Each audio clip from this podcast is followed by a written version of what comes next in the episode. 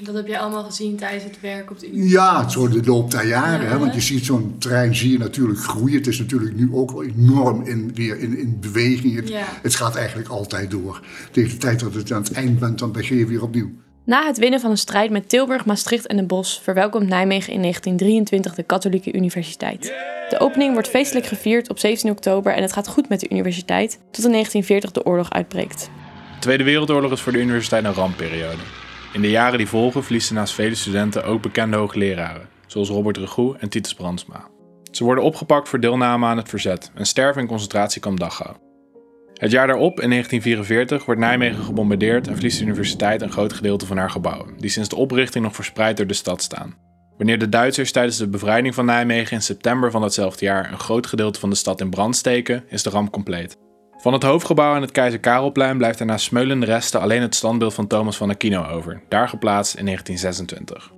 Maar na regen komt zonneschijn en in 1949 zet de Sint-Radboud Stichting met de aankoop van landgoed Heijendaal een eerste stap in de oprichting van de campus en de wederopbouw van de universiteit.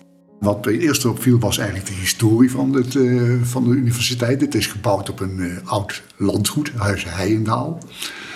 En op dat landgoed waar ook UMC op is gebouwd. Dus het is een gigantisch terrein. En op dat eh, landgoed stond een prachtig kasteeltje. En dat kasteeltje was gebouwd in 1912, is een rijksmonument. En het is gebouwd in opdracht van een familie Jurgens. Dat waren eigenaren van een margarinefabriek.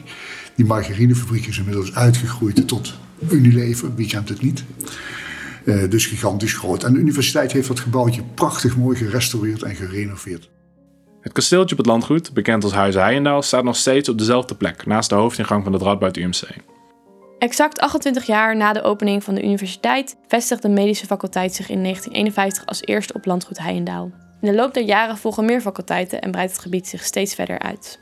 De groei van de campus trekt in combinatie met de toenemende toegankelijkheid van studeren veel studenten aan. Studeren er in 1955 nog maar 1900 studenten aan de universiteit, zijn dit er in 1970 al ruim 10.000. Met als kerst op de taart opent in 1973 het Erasmusgebouw. Toen, en nu nog steeds, het hoogste gebouw van Nijmegen. In de tien jaar daarna groeit het aantal studenten nog eens met 8000. In deze tijd vindt ook de democratisering van de universiteit plaats. Studenten demonstreren voor meer inspraak en er start een discussie over de inhoud en oriëntatie van studies.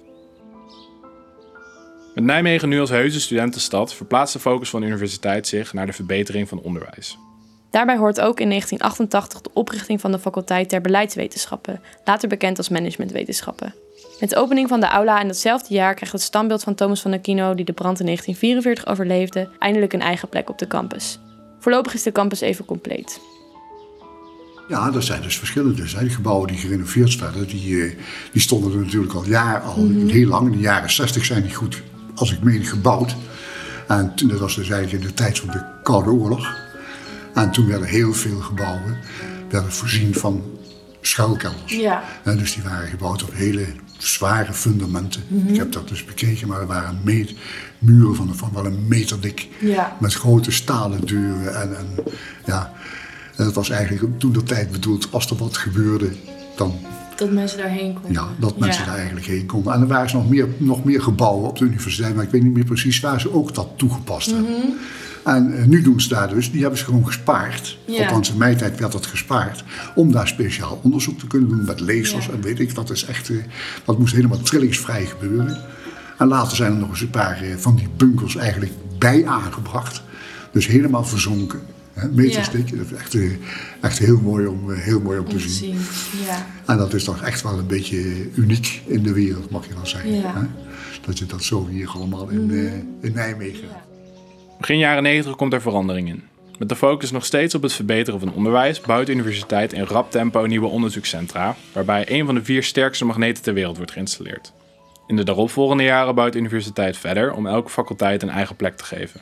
In 2007 opent het Huigersgebouw haar deuren voor de faculteit der natuurwetenschappen, wiskunde en informatica. En in de jaren daarna krijgen, met de opening van het Grotius en Elinor Ostromgebouw, ook de rechten- en managementwetenschapsstudenten een thuisbasis. Sociale faculteit moest iets langer wachten, maar na de komst van het Maria Montessori gebouw eind 2020 hebben ook zij een eigen plek. Maar stilzitten doet onze campus niet, want nieuwe plannen voor het Spinoza gebouw liggen al klaar.